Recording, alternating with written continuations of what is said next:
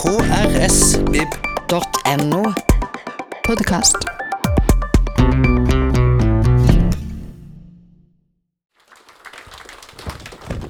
Good evening. Yes, and welcome to Kristiansand. Thank you. Um, Delighted to be here. We are uh, having the pleasure of meeting uh, this guy who has been uh, writing this trilogy called Svarthuset, Lewismannen og Louis Brikkene, uh, which are all taking place in the Hebrides. And from reading them, one would think that you had uh, grown up there. But that's not the case, is it?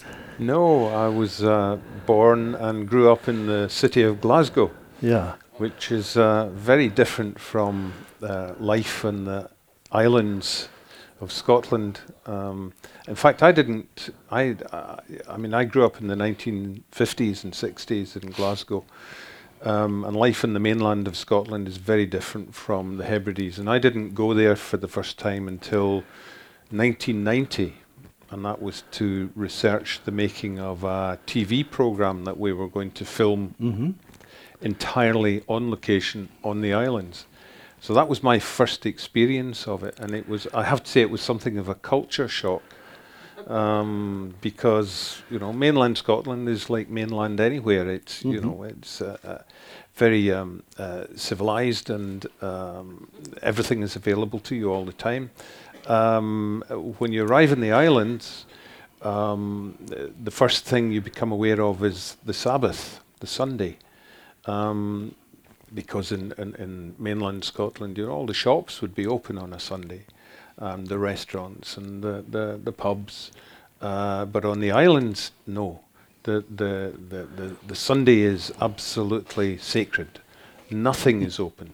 And my wife and I uh, arrived there for the first time, and we were staying in a guest house, and they didn't serve food in the guest house. hmm And so we went out walking through the town on the, the Sunday at lunchtime to find somewhere to eat. Nothing. no pubs, no restaurants, nothing was open. Then we noticed that the public toilets were locked. the children's swings were chained up. And we quickly learned that uh, i i- it's such that you can't get anything on a Sunday. You can't, uh, you can't get um, cigarettes if you smoke. You can't get petrol for your car, and you're not allowed to hang your washing out to dry on a Sunday.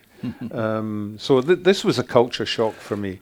Yeah. Um, yeah. Uh, so well, it it seems uh, very uh, what can I say? Uh, very um, Christian in uh, in a way that even in the south of Norway seems uh, very very very, hard-lined yeah, it's yeah, it's a very strict Presbyterian Presbyterian. church. yes. Uh, it's called the, the, the, the Free Church of Scotland. It's called, and that was a, a Mm. kind of uh, breakaway from the Church of Scotland, which is the kind of mainline church in Yeah. Scotland. And the, the, the Free Church of Scotland was um, a, a- a kind of sect Mhm. who, who who who didn't believe in anything. I mean, uh, I mean, uh, apart from obviously God and, and the Bible and the Scriptures, etc. But but entertainment, for example, was regarded as sinful. So, um, you know, books to read for fiction was sinful. Um, the theatre was sinful. Television was sinful. Mm. So it was very very strict and hardline, Yeah. and a lot a lot of um, children grew up in in that environment. And Mhm. you know, of course, like normal teenagers, they get to that age and they would rebel against the church, and uh, there would be a big social upheaval because of that. But you know, when when children grow up with that kind of power of religion in their Mm. lives and in their families, when they get older, it comes back to them again, and they even have a word for it Mm. in the Gaelic language that they speak there. It's called the Cùram, and it's about when religion comes back to you. Mm. Um, so you have religion when you're young. Uh, you, you become a young man or woman and you go and do terrible, sinful things uh, and have a wonderful time for 10, 15, 20 years. And then you get religion again. Um, okay, so so and I I've seen some of the videos you have taken uh, you had uh, on the internet in the in YouTube. You have uh, Yes. and uh, you have uh, been filming these landscapes. And I, I I was thinking, how can how can a crime novel take place here? There's no, there are no people.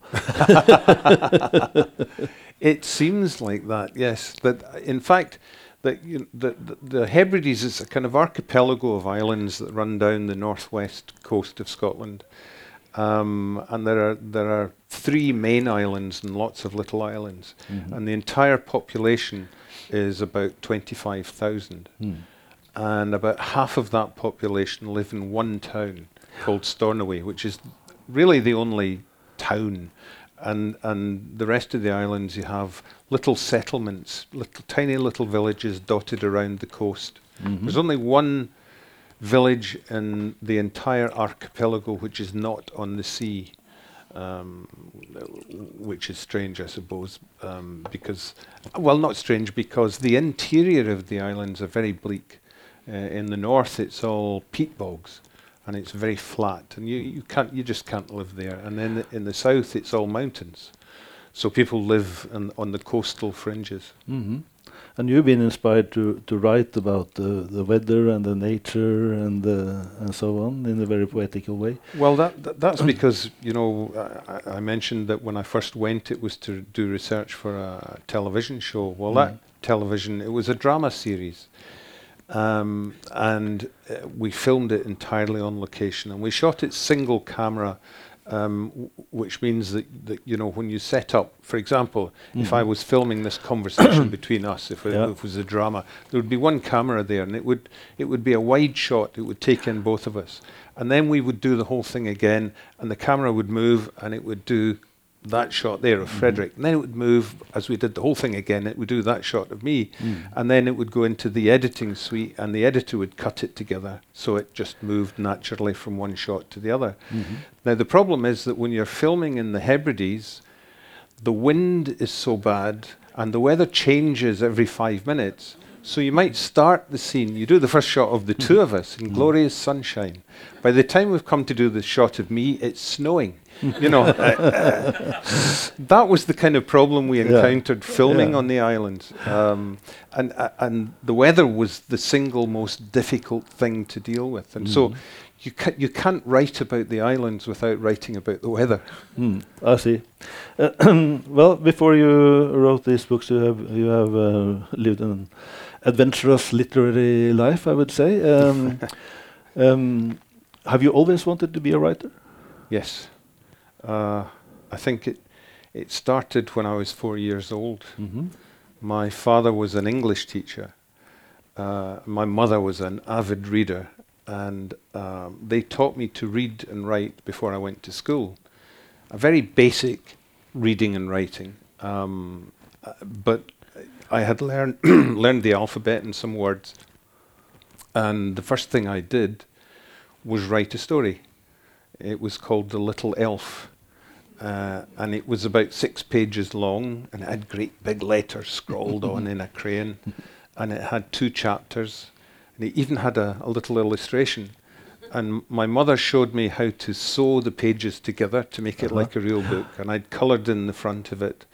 And somewhere I must have copied from a book or something. It said, made in Scotland and printed in England. and and the reason that I remember this so clearly is that that uh, after my parents had passed away and I was clearing out their house, I found it in a box in the attic. They had kept it all these years, and so I I, I actually scanned it um, uh, into the computer. I made a little slideshow w- with with music.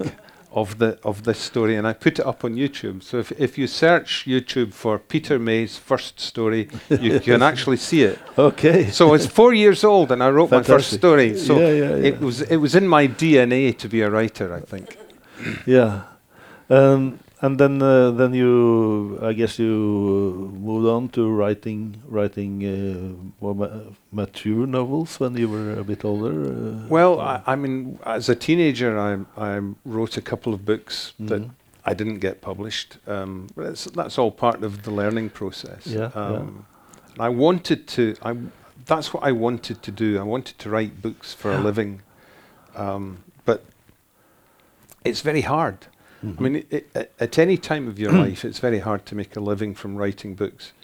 Um, uh, and you know, I was still at school, and I had originally thought I might go to art school, but but no, the, pa- the the desire to want to be a writer was stronger. So I went to see the careers officer at school um, to get some advice about, you know, what I should do to become a writer.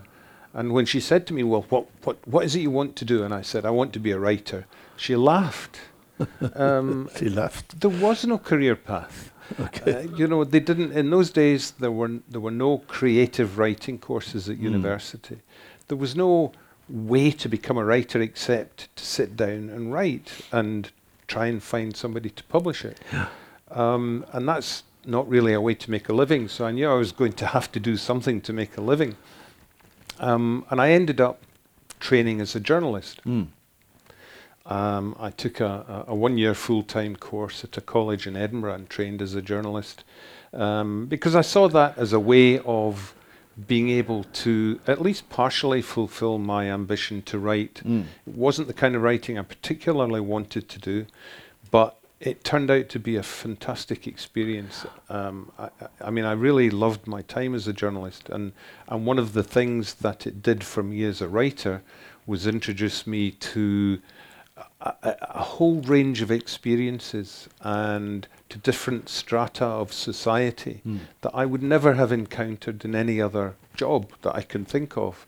Um, I, you know, I, I I was in some of the worst housing schemes in, in Scotland and saw some terrible brutality and, and dreadful things.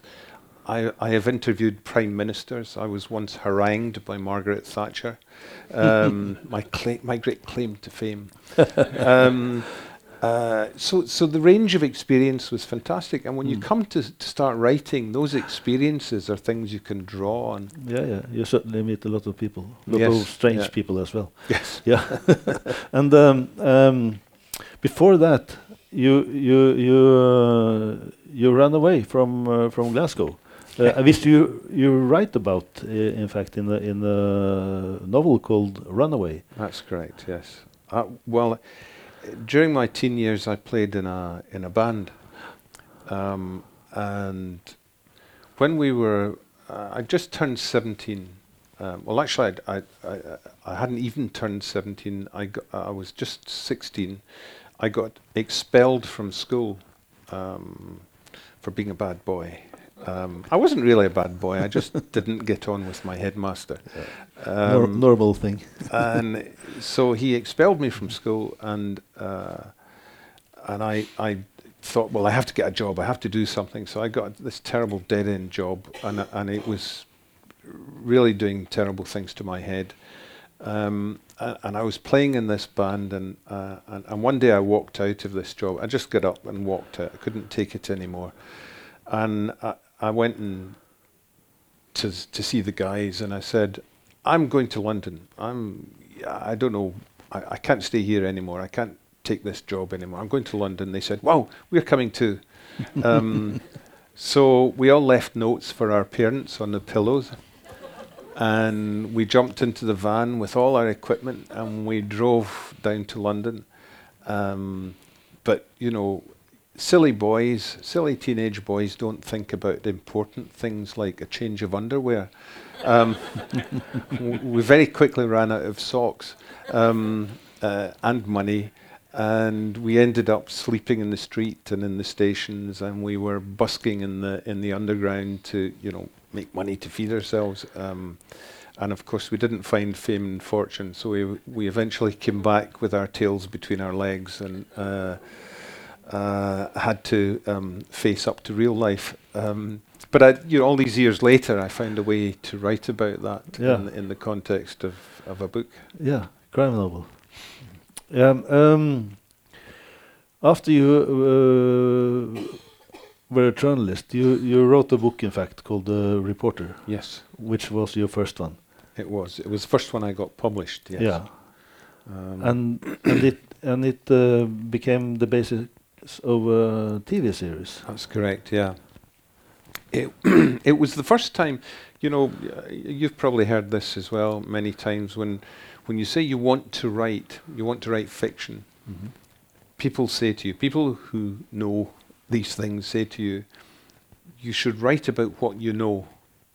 That's the most important thing. When you s- when you start writing at the beginning, you must write about what you know because you can draw on experience and knowledge.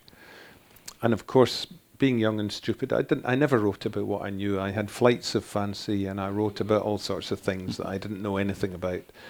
Um, and then during my time as a journalist, I realised that what I should be doing is exactly that, writing about what I know. So I wrote this book called The Reporter, which was about a journalist, which is something I knew about. Um, and having found a publisher for that, I thought that the character and the setting might make quite a good television series. So, um, along with a colleague, I put together a format and storylines and character breakdowns for a TV series set in a Glasgow newspaper office and sent it off to the BBC. Uh, and very quickly, I got a phone call from the head of drama at BBC Scotland who said, uh, Meet me for a drink. Uh, so myself and my friend went and met him in a pub, and uh, we got drinks up on the table. And um, he explained that he had just taken over as the new head of drama in Scotland. It had, it had been his reward for producing a very successful series in London called Elizabeth R, which was a, a series about uh, Queen Elizabeth I. And uh, it had been a huge success. And so he said the very first thing that landed on his desk, his first day in the new job, was our proposal for this TV series. And so he said, he, he was waving it in his hand. He said, let's do it. Um, I, and all these years later, uh, I know now how lucky we were because it, it's incredibly difficult to sell an idea to TV. very, very difficult. And we just, it just fell into our laps. Um, and that launched me in a whole new career. It launched me out of journalism and into writing for television. And I spent the next 17 years as a Yeah. screenwriter and producer. Hundreds of scripts uh, for, Yes. for, for TV drama Yes. uh, of different kinds. Yeah. And uh, what did you learn from that? For, uh, uh, for, uh, wh- what did it do to your literary ambitions? Well, it, it in a way it put my ambitions to write books on hold for a while, because apart from anything else, it paid very well. Um, you know, and I knew that writing books, making a living writing books, i- is very hard and very often doesn't pay very well. But writing for television did, so um, I f- very much focused on that. Um, but in terms of what I learned as a writer, um, I learned all sorts of things. I learned about structure dramatic structure, um, because scripts are very structured pieces of work, um, and they have to be because it's it's all about how you're going to frame pictures and put them together to make a story. Um, And but dia- dialogue, I guess. well, dialogue is is is the part that you as the writer have absolute total control over, and dialogue. Y- y- you know, as a as a, a novelist prior to working in television, I'd written I think two or three books by that time. Um, I can look back now and say with a, um, a degree of certainty that my dialogue was terrible. Um, and a- as I think a lot of novelists aren't very good. I mean, they can be great novelists and great storytellers and write beautifully, but their dialogue isn't very good. And and the thing that I learnt as a, a television writer was that dialogue must uh, advance plot and develop character. Those are the two essential functions of dialogue. Um, and not a word should be wasted. It, every line of dialogue should be doing a job, and it is either advancing the plot or developing character relationship. Um, and so, after 17 years of working in television, I brought that knowledge with me Mm. back into writing books again. And and so you probably noticed in a lot. There's a lot of dialogue in my books, um, and I and I use dialogue very much to, to do those two things: Mm. advance plot and develop character. to to push the story forward. Yes. Yeah. You even made a TV series in Gaelic Yes, that's the one that we shot on the the islands in in, in the Hebrides. in the in the Hebrides. Yeah, because Hebrides. yes. That's Mm. where, um, I mean, there's only 2% of the population of Scotland who still speak the Gaelic language. And the majority of them live in those islands. Mhm. Um, and so there was, at that time in the you know, early 1990s, there was money from the government to make uh, television programs in the Gaelic language in an, an attempt to kind of revive it and keep it alive and keep Mm. it going. And so there was there was a big pot of money set aside for making drama, um, and so that's that's why we made the, the drama in the Gaelic Yeah. language. and it introduced you also to to the Heb- Hebrides, which you came back to. exactly that. Yes. but then you then uh, uh, you took a decision that no more TV. Now I'm going to write novels. Is that so? yes. Yes. Yeah. And and and then of all things, you made a crime series from from uh, set in China. Yes. Yes. It was. Um, Where did that idea come from? Good question. Um, I, you know, I'd, I'd been in China for the first time in the early 1980s. I'd been researching another book and i w- I'd been in Hong Kong and I took a day trip. They were offering these day trips without a visa hmm up into China and you could go to this town called Shenzhen, hmm uh, which was the kind of big commercial boom town of China in those days, because it was close to Hong Kong, and um, and so I took this day trip up into China, and it's we were talking earlier. It's not it's not it wasn't that long after the end of the Cultural Revolution, and and things were beginning to change big time in China, but for me, coming from the West and stepping into China at that time was like landing on another planet. It really was so different from anything I'd seen or experienced. Uh, I mean, here was probably the most sophisticated uh, city in China, and yet the street markets were medieval. I mean, they were hacking carcasses of animals to, you know, to pieces on wooden trestle tables. There was blood and bone everywhere. And Drawing carriages and living in the earth. yes, yes, and spitting everywhere. Um, uh, and uh, you know, and uh, and if and they were, of course, at that time, everybody was still wearing the blue Mao suits, Mm. and there were little old ladies hobbling about on bound feet. Uh, it was quite extraordinary. And if I thought they were strange, they thought I was even stranger because you know most of them had never seen television and had most of them had rarely seen, if ever, a, a westerner. Um, and you know, at that time I had uh, big ginger beard and kind of fair ginger hair, and it, I could not have looked more different. And I, and I have a very strong recollection of, of walk, walking through the, the main street and hearing this strange noise.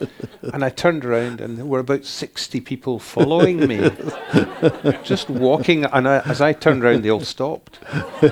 and they looked at me, and I looked back at them, and I turned and walked on, and it's very So strange. felt like an alien. Yeah, but I it was it, it was such an experience. I thought one day I've got to write about this, and Mhm. and um, when I quit television to to kind of dedicate myself to writing books, I had an idea for a story I wanted to tell about genetic modification of food, and. Uh, China suddenly became the obvious setting for it because of the lack of reg- regulation in China as far as that kind of scientific research was concerned. Um, and, and so I brought that idea together with the notion of, of setting a, a story in, in China.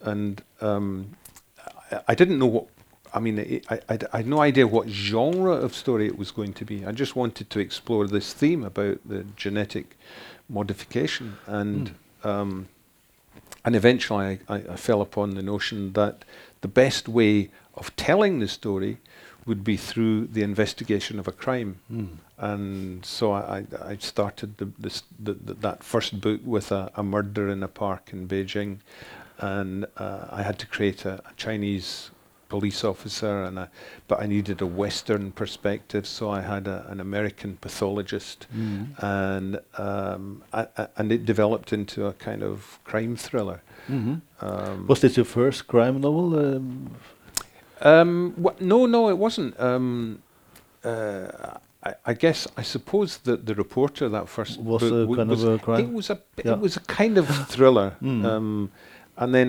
uh, after that, um, I, I wrote another book called The Man with No Face, yeah.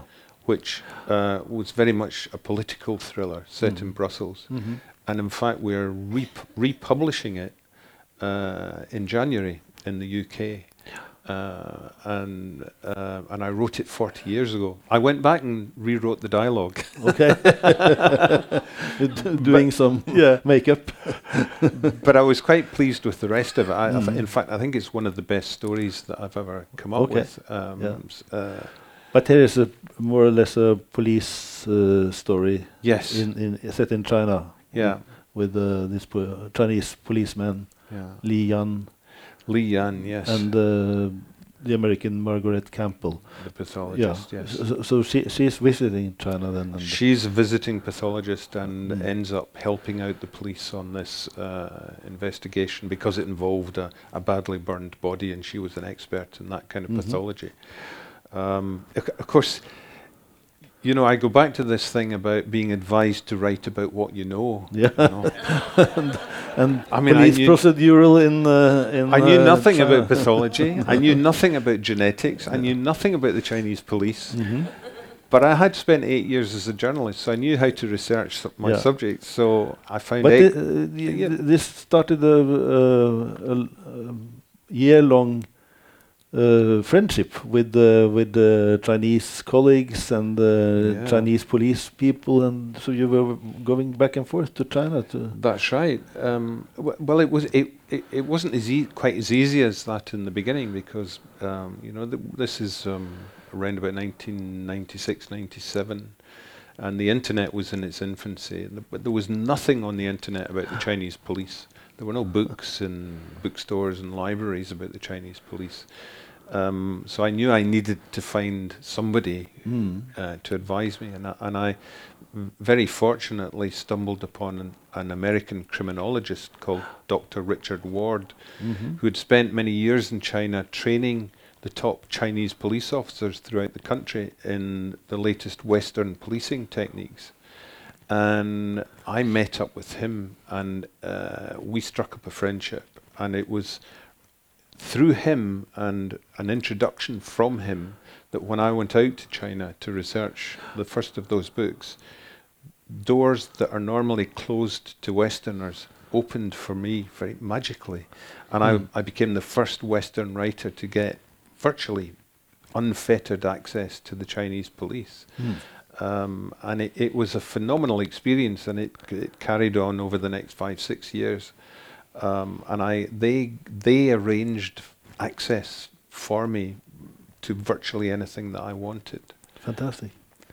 Uh, And you were even uh, honorary member of the Chinese Crime Writers Association. yes. But how many members were there? Two, three, No, they have they have thousands. thousands. thousands, thousands, and it uh, because one of the very the, the weird things that I discovered when I went to do this research in China is that um, the, the the Ministry of Public Security, which is like the police ministry in China, has a, a department called the Propaganda Department, and the Propaganda Department publishes crime fiction. Um, and not only that, it encourages policemen, serving policemen, to also write crime fiction. And they- in fact, they have magazines that come out every couple of months filled with crime stories written by serving Chinese police officers. and there's even at the minister, at the, the University of Public Security, which is the police university in Beijing, a course in the history of Western detective fiction. and serving officers can get time off to go and attend this course. Um, so they, crime fiction is huge in China, and there are many, many writers. Yeah. Well, maybe may, we have got so many crime writers in uh, in Norway and also in England. Maybe we should be happy that it's not like that. well, the big difference is that in China they don't believe in copyright. So Okay. you, you you might sell millions of books as a Chinese crime writer, yeah. but you'll get no more than the, the you know the the, the one thousand yuan they paid you uh, when you give them the manuscript. Okay. So it doesn't earn royalties. Mhm. Um, so uh, that's a big difference. yeah, yeah, that's a big, big, very big difference. Yes. Um, so you you kept on for six novels uh, Yes. from Ch- from China. Yes. Different parts of the country, maybe, and uh, Uh, most of, most of it was based in or around Beijing, but I also went to Shanghai Mhm. and Xi'an. Uh, yeah. Maybe they will be translated one day. I don't know. um, I believe my uh, Norwegian publisher is uh, intent uh, on publishing those as well. yes, Yes, that that would be nice. Um, after that, you you went on to um, to uh, write about uh, from France. Uh, write uh, crime stories from France. Well, yes, I did, but but that was a, a strange. It wasn't it wasn't planned, shall we say? I, when I finished writing the China books, um, and that wasn't a voluntary decision on my part. I, I had intended to write more, but my publisher, my then British publisher, uh, basically pulled the plug Mhm. on that crime series and said, "We don't want any more books on China." Okay. Um, Did he put it like that? so I, I had to think about what I was going to write next. Yeah. And um, by this time, I had ar- I had moved to, f- from Scotland to France. I was living in France um, in an area that I'd been going to for many many years. Um, and, and I and I thought at that time that what I should really do now is write about my home country. I should write about Scotland because I'm no longer living there. I would have a, a an objective view of that country, Mm. a perspective that would allow me to write about it more In more distance. Yes, and uh, uh, and so I thought that my my most recent and m- most fresh experience in Scotland had been filming in the Hebrides, Mm. Um, which I'd done living in the island five months a year for six years, Mm. and uh, I thought I must write about the Hebrides. That's that, that's what I'll write about because it's nobody else has written about the Hebrides, Mhm. and and and it is a unique culture. Um, and so I went back. I travelled back, and I did research for uh, this story, which was going to be based around something I'd heard about when I was living on the island, the Guga hunt Mm. the, the, the 12 men who go every year to a rock in the Atlantic and slaughter 2,000 young gannets Right. and bring them back for food. And um, I did my research. Uh, I wrote the book. Uh, it was called The Black House. Yeah. And, and uh, at that time, when I finished writing it, I was convinced it was the best thing I'd ever written. Convinced Mm. But the British publishing industry disagreed with me because it was rejected by every publisher in the UK, every single one, and it, it did the rounds of everybody, um, Ah. and they all turned it down. Um, Very strange things the novel uh, taken into consider consideration. But um, uh, how did that make you feel? terrible. I, I- well, it, you, it's like You, go know, home you- to England, you have been to China and France, and now you, The you thing- get rejected. Well, yes. uh, you- If you can imagine that somebody says that your baby that you're very proud of is ugly, you're not going to feel very good about that. Well, that's you know that's how I felt about it. Here was something I thought was the best thing I'd ever done, and and in a way, you know, writing a book is it's a painful experience. It's it's almost like giving birth, Yeah. and you know it's your baby, and you know, and here all these people rejected it. So I, f- I f- it it stole my confidence away. Um, and I thought, well, what am I going to do now? So I, I, I started writing this series of books set in France, the Enzo Files, and they are they were quite deliberately lighter in tone guy Um, called Enzo MacLeod. Enzo MacLeod, yes, Yeah. half Italian, half Scottish. yeah, Um, one of the few Italian Scottish detectives in in crime story. absolutely. Yeah. Although there are, there are many many Italians live in Scotland. Okay, Uh, yeah. yeah. Uh, strangely enough, I don't know Mm. why. I mean, why would you leave a nice warm country to come to a cold, wet country like Scotland? I don't know, but but there, there are a lot of Italians. Um, uh, but I would, so I started writing that that series, um, and uh, they, that series found a publisher in America, Mhm. and they were doing uh, they were doing very well. Um, and I, my books were at that time being published also in France, um, and I got into a conversation just by chance with my French publisher um, at a book fair in France, and I I, I mentioned because I'd forgotten all about it really that I had this manuscript for a book called The Black House that I thought was the best thing I'd ever written, but nobody wanted to publish, and she said, "Well, I'd like to read it." So I sent it to her, and six weeks later, she phoned me up and she said, I love this book. I want to buy world rights, which is unheard of for a French publisher to buy world rights in a book written in English. But she did. It was translated into French and it was published in France before anywhere else. Mhm. Um, and they took the book to the big book fair in Frankfurt, and everybody bought it. And last of all, the Brits, the ones who'd rejected it in the first place. Um, and the, and the irony in that is that, that, that the Black House and the, the other two books in the in the trilogy Mm. uh, have now sold uh, well over two million copies in the UK alone. You know, so which just tells you the publishers don't always get it right. That's right. That's right. Um, is this why you are now a French citizen? Well, I, I certainly owe the French a great deal. yeah. Yes. But you, you're partly Scottish, partly. yes, French, I, yeah. I, um, I, I became a French citizen about two years ago. Mhm. Um, I think partial. I mean, I w my wife and I had been living there for some time, and we Mhm. felt that we probably should take that step. Mm. But but we saw the the referendum, the British referendum on Brexit, looming in the distance, and Yeah. we and we thought, "Do you know, the British are just stupid enough to vote for this. Mhm. Um, and so it kind of speeded up our determination to become French because, yeah. you know, if Britain left Europe, we would then have lost all our rights as citizens living in France, and we wanted to continue to live in France. So Yeah. that protected our rights, uh, Mm. you know, if we Mm. became French citizens. So it was a long and laborious process, yeah, yeah. Um, but it but we became French. Yeah. did you did you spend a lot of time in the Hebrides to to write the Black House?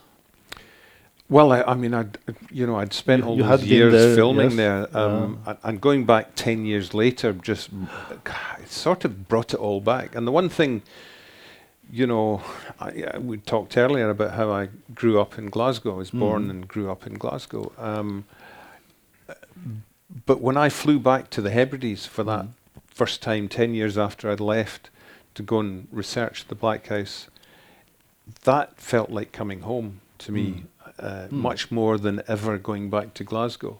Mm. Uh, and, and, and that was a, a, a strange experience for me.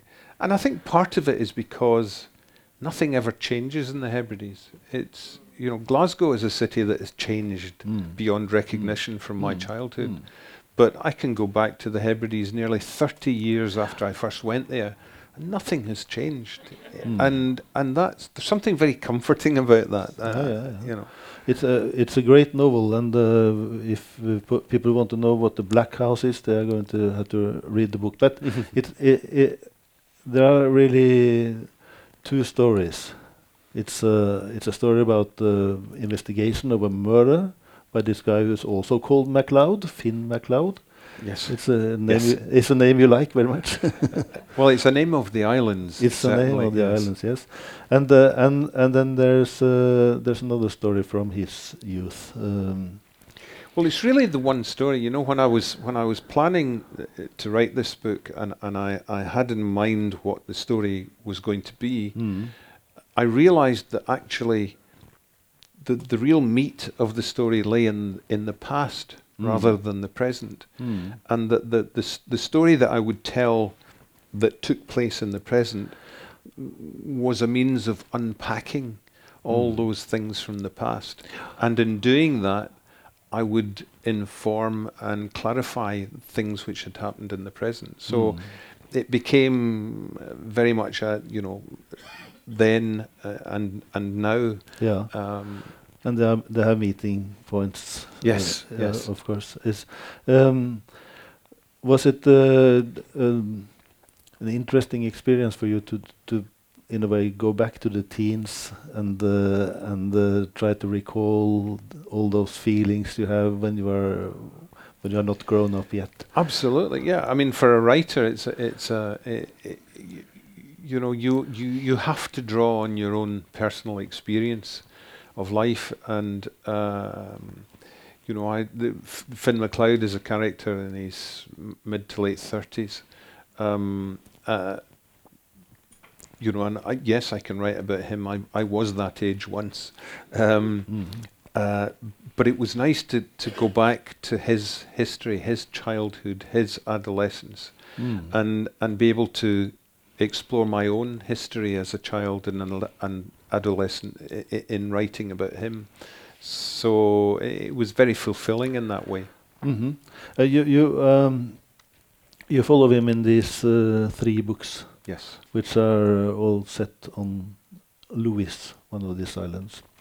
And then in the new, new book, Coffin Road is also placed very remotely, Yes. only birds and uh, and mountains. Uh, so you, you you you stay in that landscape, but you have left uh, Fin McLeod, and now you follow an George Gunn, who is his uh, partner in in these books. Yes. But but George Gunn plays quite a small part in, Mm. in Coffin Road. It, it just seemed that because I'd already established Mm. that character as an island policeman that it Mm. made sense to Yeah. use him in you know yeah, in in this book. But this book's quite different because but it's a different structure in this book. it's a different structure. It's um it, it, it's a very different kind of story because it's um I would describe it probably as a, an ecological thriller Mm-hmm. because it explores uh, the the issue of the, the vanishing bees, um, bees which are so important to Mm. mankind in the future of of of our race, really, because bees pollinate. Uh, most of the food we eat, one way or another, even the meat, which is you know produced with winter feed that is uh, dried from crops pollinated by bees. Um, so, uh, you, you know, across a whole range of vegetables and grains and fruits, as well as meats and dairy produce, bees are absolutely fundamental to um, producing the food that we require as a, as a, as a race to survive. And they're vanishing at an extraordinary rate, um, an alarming rate. And for many years, there was a big debate about why, what was causing it. Mhm. Um, uh, and and and this book explores the reason, and and, and it's the real reason, a, a, a scientific reason, um, which I discovered during my researches, and um, it's if you like, it's the smoking gun, um, and and so. I wanted to write about this particular phenomenon within the context of a piece of fiction in order to be able to introduce my readers to the, the dangers and, and the importance of this subject of the vanishing bees. Thank you very much for coming here. I have to leave you now, but there are lots of books in the back of the room here, and uh, um, I'm sure Peter is more than willing to Of course. them Very happy. for you, and uh, they are highly recommended, uh, both as uh, humanistic stories and uh, as crime novels. So Good. thank you very much. Thank you very nice. much, Frederick. Yeah.